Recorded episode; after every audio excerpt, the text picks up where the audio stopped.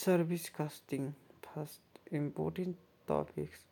In this chapter the important theory is portion is cost unit and absolute ton kilometer and commercial ton kilometer.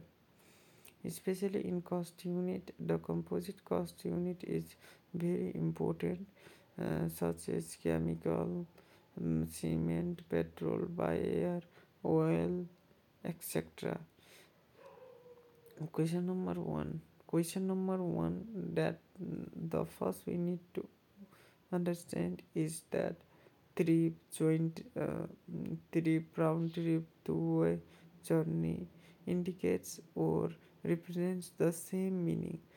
We should not confuse in the words.